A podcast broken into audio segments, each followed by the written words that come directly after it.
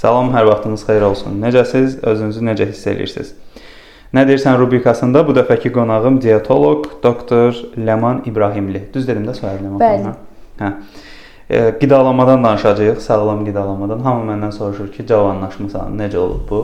Mənim kök vaxtımı görmüşdünüz də siz. Bəli, görmüşəm. Hı. Orada necə qoca görsənirdin? Bəli. Daha belə deyə belə deyə, daha ya, bədənsəl Yaşlı. olaraq daha yaşlı. Əsl Azərbaycanlı da. Doğrudan ə, kökəlməyə meylliyik cəmiyyət olaraq belə. Nəsə indi danışacağıq onlardan. Hə, Ləman xanım, Ləman xanımı çoxdan izləyirik, bir-birimizi izləyirik sosial media üzərindən və Ləman xanım peşəkar mütəxəssisdir bu sahədə. İrəliyən dəqiqələrdə biz danışacağıq kökəlmək, arıqlamaq və ümumiyyətlə sağlam qidalanma ilə bağlı olan məsələlərdən. Bu, buyurun Ləman xanım, birinci özünüzü təqdim edin, insanlar bilsinlər. Ə, Mən dietoloq Ləman İbrahimli. Özüm ə, İstanbul Topkapı Universitetini bitirmişəm. Ə, Hal-hazırda 3 ilə yaxındır bu işlə məşğulam. Həyat klinikasında işləyirəm və əsas da məqsədimiz bu işi seçməkdə məqsədim odur ki, həm insanlara belə daha yardımcı olmaq və ən əsası psixoloji olaraq yardımcı olmaq. Niyə psixoloji olaraq? Çünki insanlar qidalanma rejimini və yaxud da normal qidalanma şəraitini qurur maksimum 1 ay. 1 ay bitdikdən sonra deyir ki, öz istədiyi nəticəyə gəldi. Ondan sonra elə bir ə, psixoloji ə, stressə düşür ki, anidən heç bilmir ki, məsələn, necə qidalansın və yaxud da belə deyək də Azərbaycan dilində qatıb qatışdırma və yaxud da ondan sonra daha da ruhdan düşür. Ruhdan düşəndən sonra da heç bu ə, rejimə qayıtmaq istəmir. Ləman xanım, belə bir sual. Bax, sağlam qidalanıram dediyim zaman avtomatik bir sual yaranır. Sağlam qidalanma nədir? Bunu qısa formada necə ifadə etmək olar?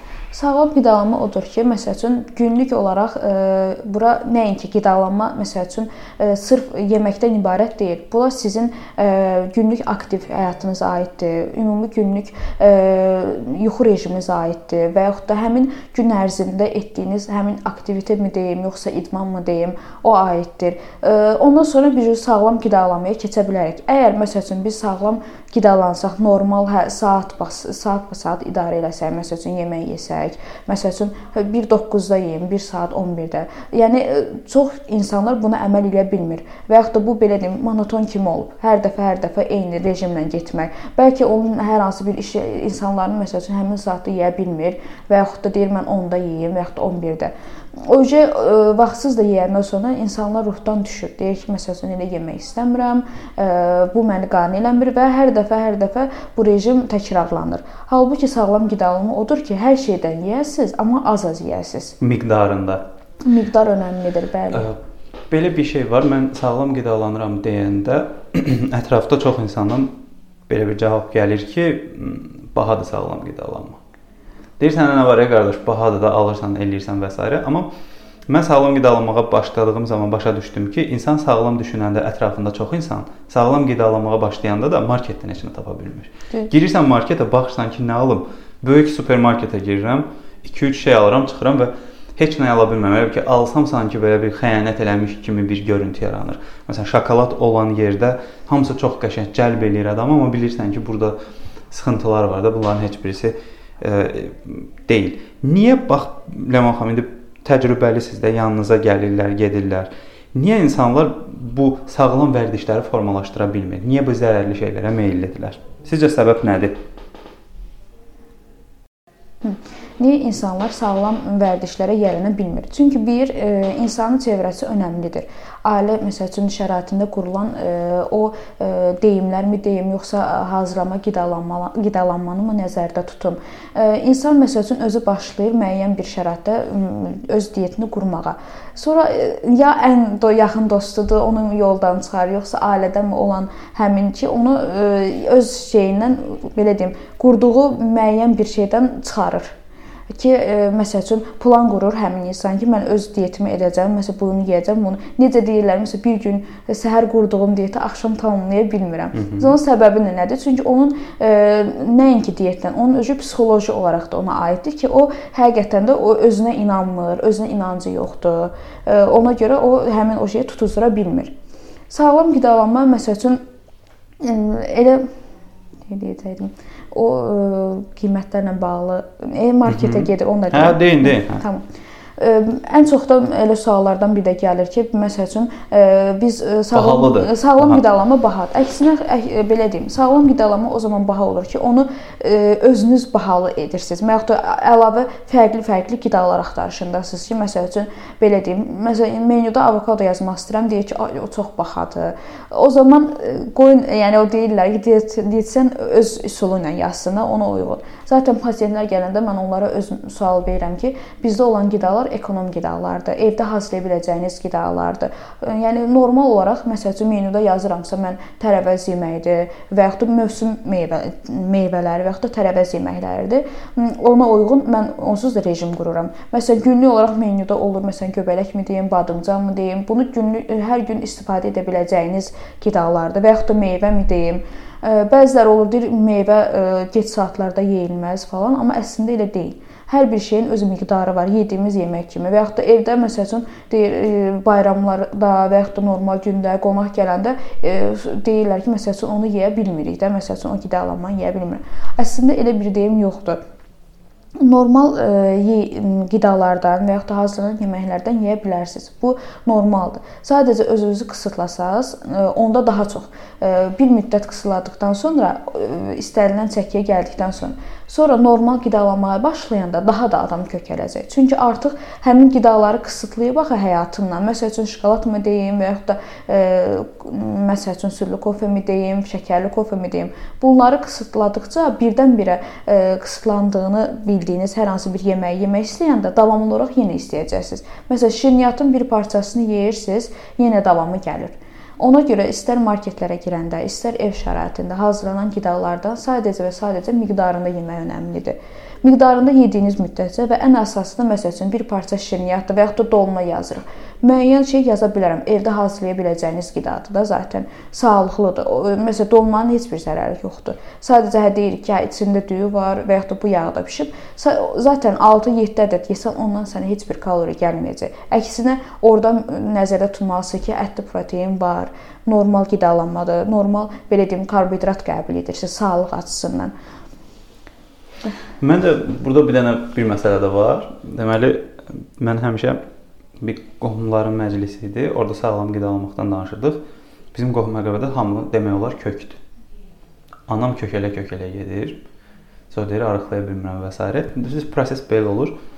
Sual verdilər ki, necə arıqladım və sağlam qidalanma nədir? Dedim, sağlam qidalanma qeybət kimi bir şeydir hamı qeybəti sevə-sevə eləyir. Hı. Sağlam qidalanmanı da qeybətə oxşatsanız çox qəşəng bir şey alınacaq. Ondan sonra qohumlarımdan 2-3 nəfər dedi ki, "A, mənə təsir elədi söz."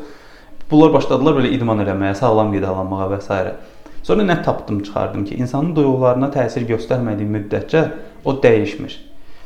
Qidalanma ilə bağlı olan məsələ də belədir. Duyğularımıza təsir göstərmədən qida sistemimizi dəyişə bilmirik. Sanki elə bir ki, insan duyğusal olaraq anlı, anlamalıdır ki, o qida ona faydalı ola bilər və ya ziyanlı ola bilər və onu eləməsin. Bu çox sözdə asan səslənir, amma çox çətin bir şeydir. Hansı ki, o şokoladın içərisində olan dadlandırıcılar, onun marketinq taktikaları və s. və s. insan o qədər yansıyır ki, adam gedir şokolad alır, fast food alır. Dünyanın ən dadlı yeməkləri ən zərərli yeməklərdir əslində mənim üçün. Kofe özlüyündə çox dadlı bir şey deyil. Mən amma acı içməyi çox sevirəm. Yavaş-yavaş öyrəşdim buna və yaxud göbələyin üzərinə qaymaq və ya dadlandırıcı vurmasan çox da dadlı olmur. Amma mənim xoşuma gəlir göbələyin özünü qaynadıb və elə yeyəndə çox dadlıdır mənim üçün. Ümumi olaraq isə dadlı deyil. Sadəcə bir növdə buna bir öyrəşmək, bir vərdiş eləmək məsələsi var ki, bu çox önəmli detallardan biridir. Həmişə deyirəm, restoranlarda ən ucuz yemək mərci supudur. Amma insanlar onu almır ki, ucuz nə edirəm, mərci içməyə gedirəm mən. Amma ən faydalısı. Dadı olmur deyə onu götürmürlər. Hə, dadı olmur deyə onu götürmürlər. Hərbi xidmətimdə o dövrlərdə olan qidalanmağıma baxıram. Bulğur, qarabaşaq, düyü, yumurta, bu boş, bu tipli şeylər idi. Hansı ki, uşaqlıqdan o yeməklər ə, e, kasıb yeməyi sayılırdı da. Yəni ki, elə, elə yeməklər şeydir də, yəni bulğur yeyirsən, belə. Amma hərbidə mən onu yeyib idman eləyib bədən formalaşdırırdı. Mən onda başa düşmüşdüm ki, əslində faydalıymış. Sadəcə o bayaq dediyiniz mühit məsələsi var da ki, ət yeməsən olmaz və yaxud, və yaxud deyil, əti yağlı yeməlisən. Məsələn deyirlər dietik yemə e, qidalar məsəl üçün bahadır. Onda məsələn qreçka da baha olardı, bulqur da baha olardı. Halbuki baha deyil. Baha ya, deyil, hə. Baha Sadəcə deyil. marketinq şeydir də, taktikası. Məsəl üçün balaca bir şeyi qoyur, yazır gluten yoxdur tərkibində, şəkər yoxdur və s. və s. və qiymət 9 manat. Balaca bir dənə bu bir balaca şey və adam düşünür ki, bahadır. Elə bir dəyişmək istəməyən insan bəhanələrlə özünü bloklayır. Bununla da bitdi hər şey və qidalanmaya təsir göstərir. Məsəl üçün marketlərdə yazılır, məsəl üçün mən etil lifalif deyir ki, məsəl üçün mən onu istifadə edeyim və yaxud da zuber toplarıdır falan. Onlar məsəl zuber toplarıdır. Hə, tərkibinə baxırıq. Həqiqətən də digər məsələn şirniyyatlardansa onu önərirəm. Amma hər gün hər gün davamlı olaraq siz onu yesəz, istər-istəməz kökələcəksiniz. O e, sizə asılı olan bir şey deyil. Orqanizmin ona cavab verdiyini göstərir.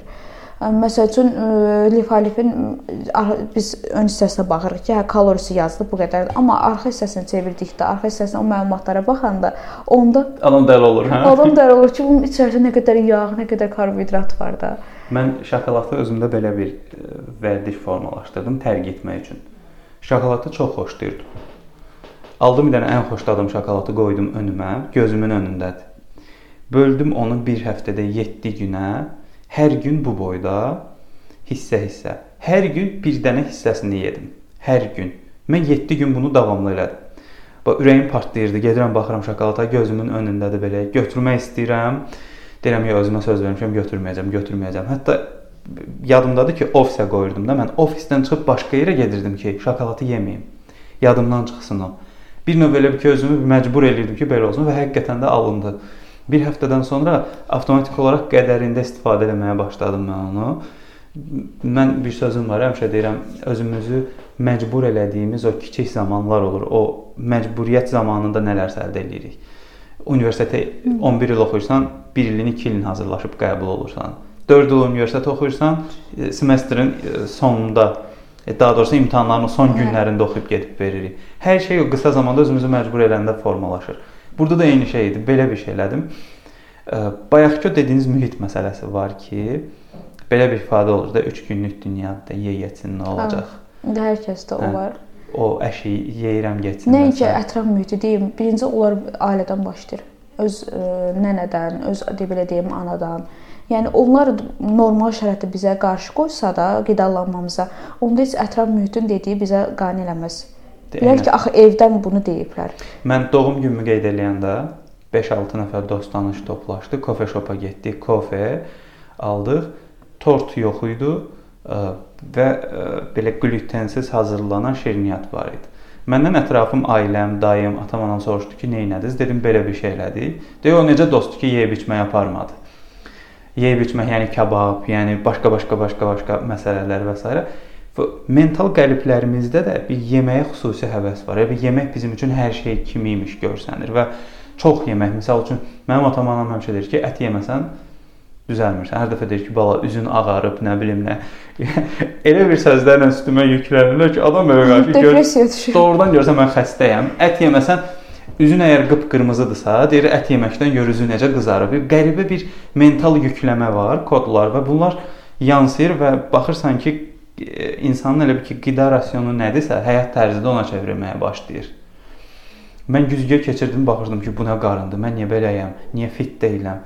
İndi baxanıma deyirəm ki, vau, nə qəşəngdir. Amma arada fikir verirsiniz, ətraf mühitin də o baskısı adamı bu şeyə gətirib çıxarır. %100 və bayaq sizə danışırdım səs yazmadan öncə bir həftə düşmüşdüm depressiv duruma. Şirniyyat nə gəldi yeyirdim. Nə gəldi. Amma burada bir məsələ var. Sistem olandan sonra bir növ belədir də, velosiped sürməyi bilirsənsə, ayaqları biraz isidəndən sonra daha yaxşı sürəcəksən. Sistem olduğu zaman biraz sağa sola yansıyırıqsa, təzədən bir də özümüzü bərpa eləyə bilirik. Əsas məsələ o sistemə salmaqdır. Də bağımlılıq yaradır. İstər velosiped olsun, istər gəzmə. Məsəl üçün mən də gəzirəm piyada.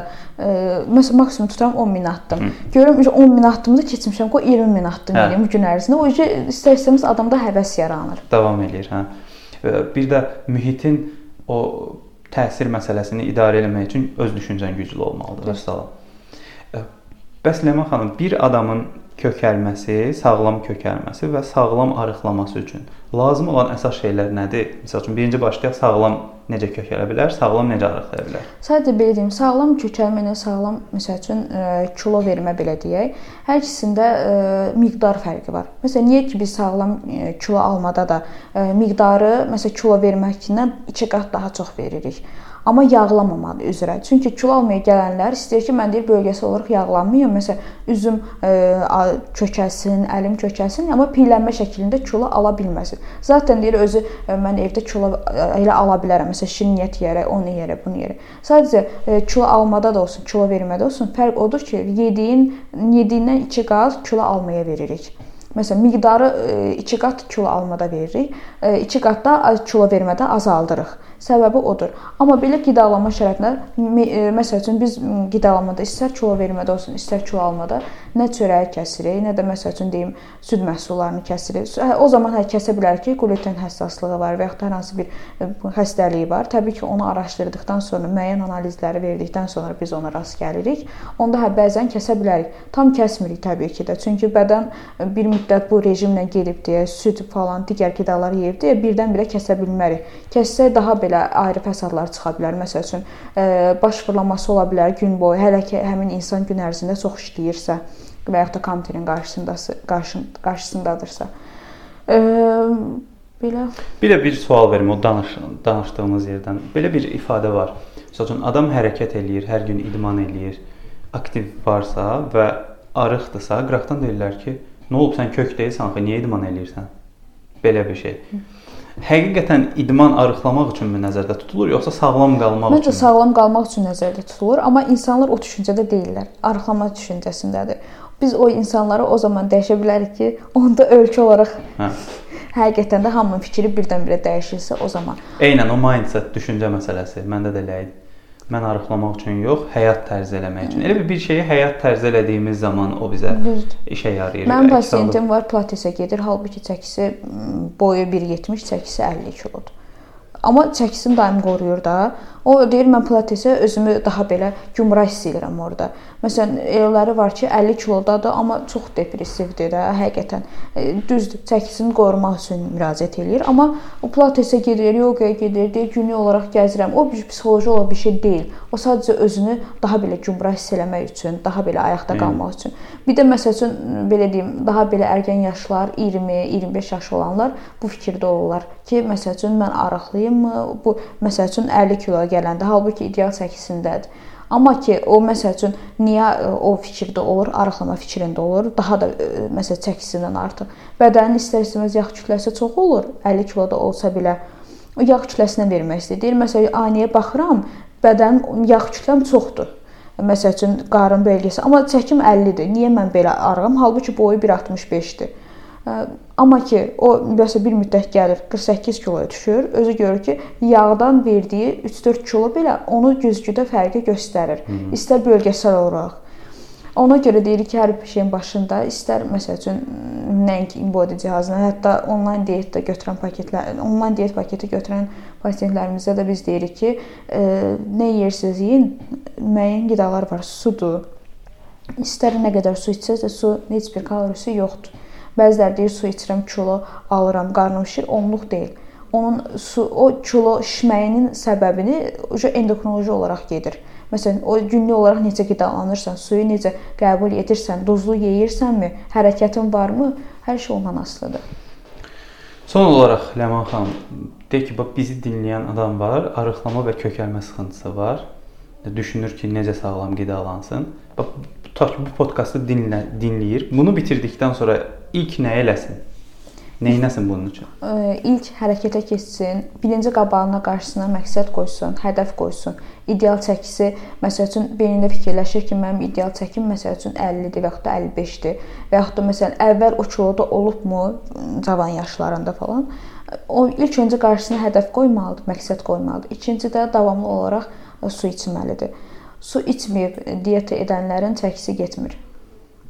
Çoxlu su, hə? Bəli. Hı. Su və əsas hərəkət. Su, hərəkət və təbii ki, o ə, e, normal qidalanma. Mən burada saat demirəm. Çünki ə, e, müəyyən saatlar olur ki, insanlar o saatda e, çatdırıb qidalana bilmir.